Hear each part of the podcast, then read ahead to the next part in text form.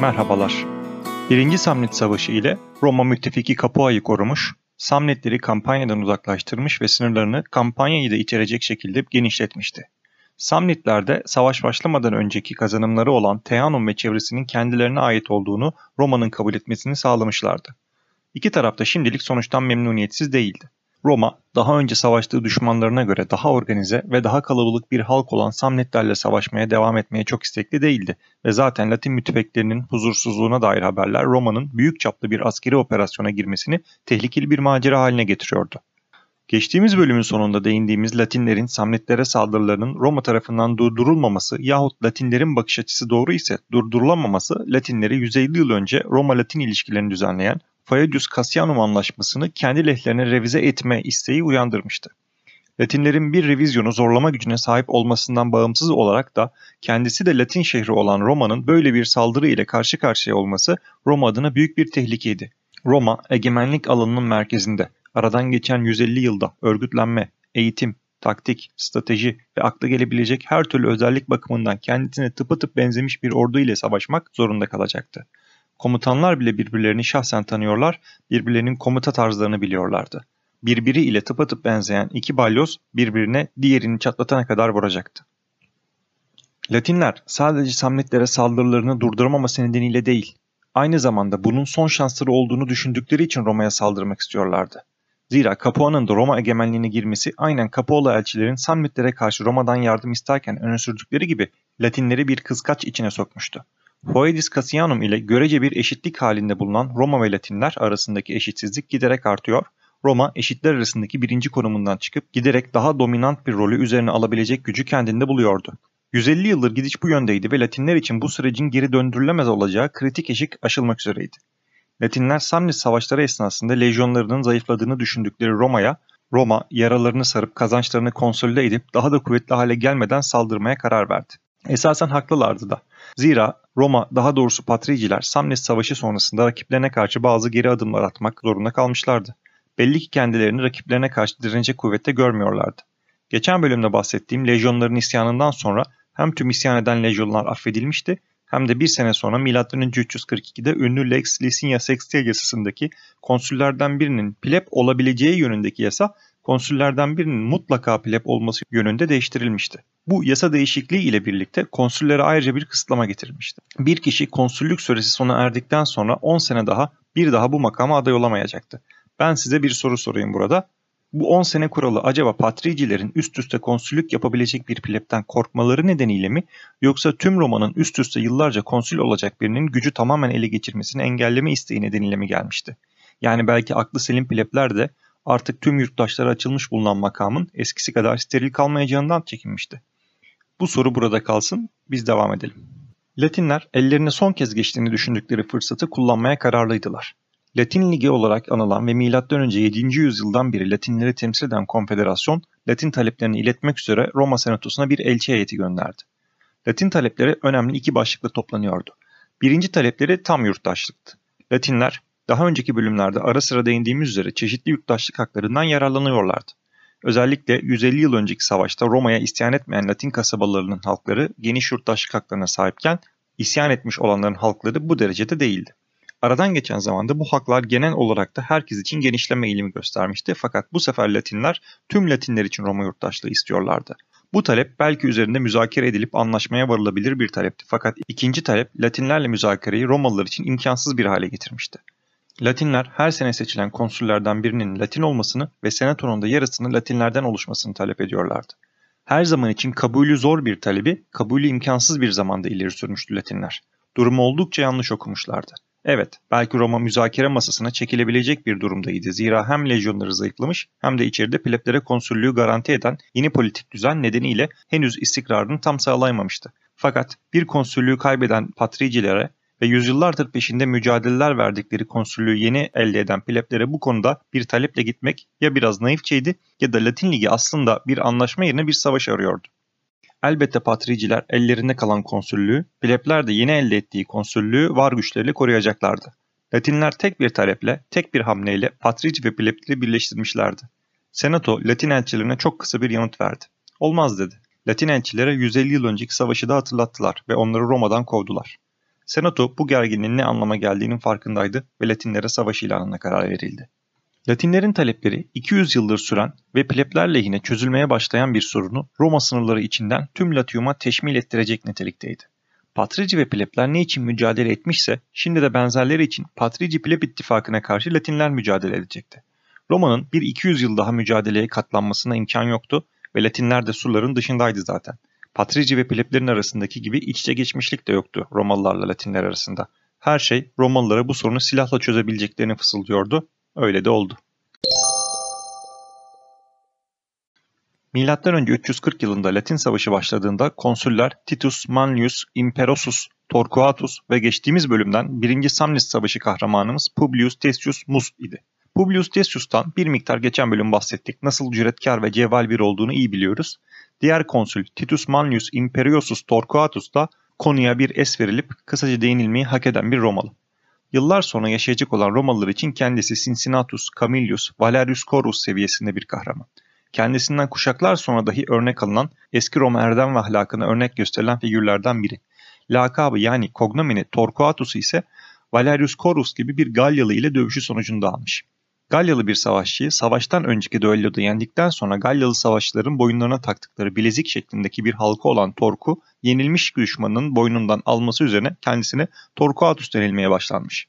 Öte yandan Romalı erdem ve ahlakına parlak bir örnek olarak kendisi savaşta emirlerini dinlemeyen oğlunu idam ettirecek kadar disiplinli bir karakter.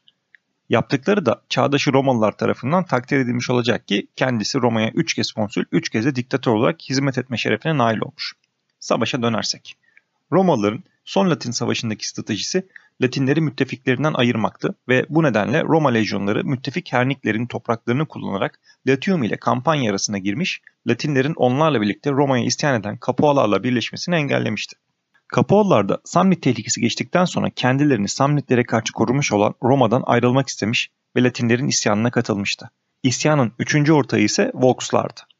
Roma-Latin savaşından bize iki hikaye kalmış. Hikayelerden ilkine göre her iki konsül de lejyonları ile birlikte Latinleri karşılamak üzere kamptalardı. Sabah uyandıklarında her ikisi de aynı rüyayı gördüklerini fark ettiler. Konsüllere göre bu bir kehanetti. Kehanete göre savaşı kazanan taraf komutanını, kaybeden taraf ise tüm ordusunu yitiriyordu. Her iki konsül de bu kehanetin kendilerine malum olması üzerine bir anlaşma yaptılar. Buna göre hangi konsülün komuta ettiği taraf zorlanmaya ve geri çekilmeye başlarsa o konsül kendisinin öleceği bir saldırı başlatacak ve ölecek Böylece tanrılar zaferi Romalılara verecekti. Roma ve Latin güçleri Vezür yanardağı yakınlarında karşılaştılar. Roma ordusunda Publius Decius sol kanadı, Manius Torquatus ise sağ kanadı komuta ediyordu.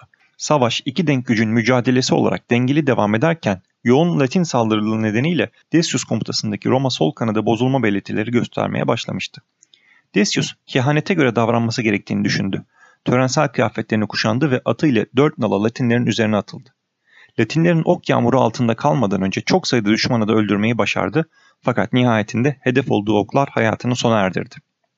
Savaş alanının diğer tarafında bu olayı haber alan Manius Torquatus kendisine görünen kehanete göre zaferin avuçlarında olduğunu biliyordu.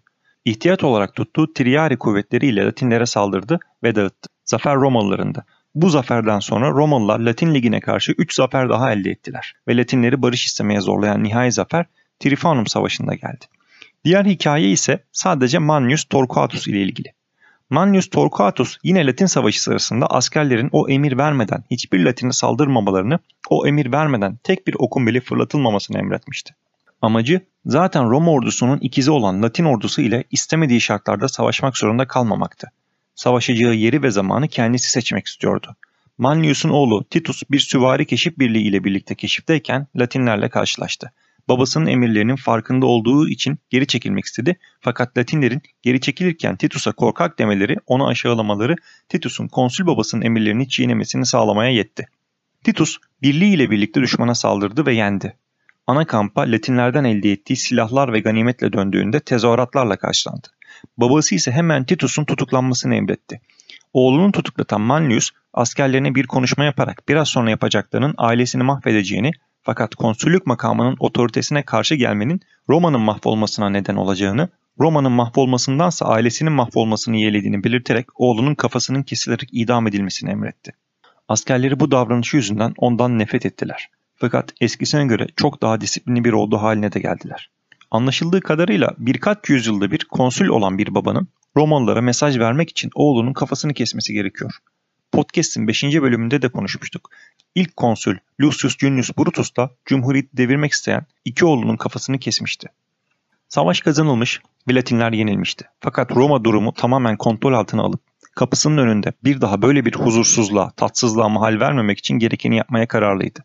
Savaştan sonra iki yıl boyunca Latin Ligi'ne dahil bütün şehir ve kasabalar kuşatıldı ve birbirlerine yardım etmeleri engellendi. Savaşın bu aşamasında Samnitler de yardımcı kuvvetler olarak Roma ordusu yanında savaştılar. Roma'nın Samnitlere saldırısının meydana getirdiği fırsat sayesinde başlayan Latin Savaşı yeni savaşmış iki düşman olan Roma ve Samnitleri aynı amaç uğruna yan yana getirmişti. İki tarafta Latinleri oyun sahasının tamamen dışına çıkarmakta kendileri adına fayda görüyorlardı. Romalılar için Samnitlerle devam edeceği muhakkak olan bir mücadelede Latinler zayıf bir nokta arz edebilecekken, Samnitler için de Latinler mücadele edilmesi gereken ve Roma ile tekrar savaşa girildiğinde Roma'nın müttefiki olacak bir güçtü. Bu bahsettiğim kuşatma süresi boyunca bazı Latin yerleşimleri hemen teslim oldu. Bazıları ise kısa bir mücadelenin ardından teslim oldu, bazıları ise sonuna kadar savaştılar. Fakat en nihayetinde kuşatmalar sona erdiğinde Latin Ligi siyasi yetenekleri bakımından tamamen dağıtıldı ve tüm Latin bölgesi doğrudan Roma egemenliğine girdi. Latin Ligi bu tarihten sonra Alba Dağı'nda Tanrı Jupiter Latiaris şerefine Feriae Latinae şenliklerini düzenlemekle görevli dini bir organizasyona dönüştü. Bundan sonra olanlar Roma'nın neden bir imparatorluk haline gelebildiğini gösterir örneklerden. Mağlup Latinlere ne olacaktı? Roma'nın önüne tarih iki seçenek sunuyordu. Ya Latinlerin tamamı yurttaş olacaktı ve Roma bir şehir devleti olmaktan çıkıp bir bölge devleti haline gelecekti ya da tüm Latinler teba haline getirilecek ve çok kısıtlı haklara sahip olarak yaşamaya zorlanacaklardı. Birinci şıkkı yerine getirecek mekanizmalar henüz Roma'nın elinin altında değildi. İkinci şık ise uzun vadede sürdürülebilir değildi. Zira yeni isyanlar için hep zemin hazır olacaktı bu seçenekte. Latinler de isyan etmiş olsalar da Roma ile aynı dili konuşan, yüzyıllardır ittifak ilişkisine sahip bir halktı. Bu gerçekler ışığında Senato Latin Ligi'ni dağıttıktan sonra şehirlerin ve kasabaların durumlarını tek tek değerlendirmeye karar verdi. Hemen yahut kısa bir mücadeleden sonra teslim olanlara civitas cum suffragio yani tam yurttaşlık verildi. Böylece bu şehir ve kasabalar belki bağımsızlıklarını ve siyasi varlıklarını yitiriyorlardı. Fakat buranın sakinleri en baştan beri istedikleri eşitliğe kavuşuyorlardı ve Roma'nın yeni pleb yurttaşları oluyorlardı. Bir süre mücadele verdikten sonra teslim olan şehirlerin yurttaşlarına ise civitas sine suffragio statüsü verilerek özel hukuk bakımından yurttaş hakları tanındı ise de siyasal haklardan yani seçme ve seçilmeden mahrum bırakıldılar. Yine bu yarı yurttaşlar tüm Roma yurttaşlarının tabi oldukları yükümlülükleri de tabi tutuldular. Kapaoğlular da bu statüde değerlendirildiler. İsyanı başlatan şehirler ise farklı bir muamele gördüler. Bu şehirler siyasi açıdan varlıklarını korudular ve iç işlerinde serbest kalındılar. Fakat dış işlerde tamamen Roma'ya bağlı oldukları gibi bu şehirlerin yurttaşları da sadece kendi şehirlerinde ticaret yapabilecek ve sadece kendi şehirlerinin yurttaşları ile evlenebileceklerdi. Roma bu şehirleri tamamen izole etmişti. Bu izolasyon onları giderek zayıflatacak ve ileride tamamen Roma sistemi içinde eritilecek duruma getirecekti. Bu şehirlere bu amaç doğrultusunda ayrıca Romalı koloniler kurdular. Buna göre Romalı yerleşimciler bu şehir ve kasabalardaki topraklara yerleşecekler, hem ticari hem de askeri olarak Roma'nın jandarması olacaklardı. Bu davranış biçimi yani Roma'ya direnmeyenlerin bir noktada Romalı olması yahut ayrıcalıklardan faydalanması, direnenlerin ise yok edilmesi Roma'nın Akdeniz'e hakim olurken izlediği yolda Roma politikasının temel özelliğini teşkil edecektir. Roma o güne kadar örneği olmayan bir yöntemi divide et impera yani böl ve yönet yöntemini icat etmişti. Roma düşmanlarını bölmüş ve bazılarını kendine entegre etmiş, bazılarını da izole ederek entegrasyona hazır hale getirmek için çalışmaya başlamıştı. Bunu yaparken de nüfus dengesine azami dikkat gösterdi. Yeni yurttaşların hali hazırdaki Roma yurttaşlarına karşı büyük bir çoğunluk elde etmemesine özen gösterildiği kadar tebaa statüsüne alınan halkın da bir isyan ile istediklerini elde edebilecek kadar kalabalık olmamasına özen gösterildi. Roma'nın kurduğu bu sistem bin yıllar boyu işledi ve devletin her saldırıya dayanmasını sağladı. Evet, Latin Savaşı'nın sonunda Roma artık evinin önündeki bahçenin ortağı olmaktan çıkmış, onun sahibi olmuştu. Bundan sonra gözünü daha uzak diyarlara dikebilirdi. Milattan önce 330'lu yıllarda Roma güneyde Capua'dan kuzeyde Ve'ye uzanan orta boy fakat İtalya'daki herkesle boy ölçüşebilecek bir devletti. Tek dişli rakibi ise Samnitlerdi. Roma'nın tüm İtalya'ya göz dikebilmesi için nasıl Latinlerin tamamen pasifize edilmesi gerekmişse, İtalya dışında maceralar için de Samnitlerin pasifize edilmeleri gerekecekti. Gelecek bölümlerde ikinci yani Büyük Samnit Savaşı'nı konuşacağız. Fakat ondan önce konuşmamız gereken bir konu var. Sizlerden sıklıkla senato nedir, konsül ne iş yapar, pleb tribünü neye yarar vesaire sorular geliyor ve açıklamam isteniyor. Aslında bunların bir kısmını bölümler geldikçe bahsetmiştim. Fakat topluca gelecek bölümde erken Roma Cumhuriyeti'nde bu kurumlar ne ifade ediyorlardı? Tek tek üzerlerinden geçip kısa bir bilgilendirme bölümü yapacağız. O zamana kadar görüşmek üzere.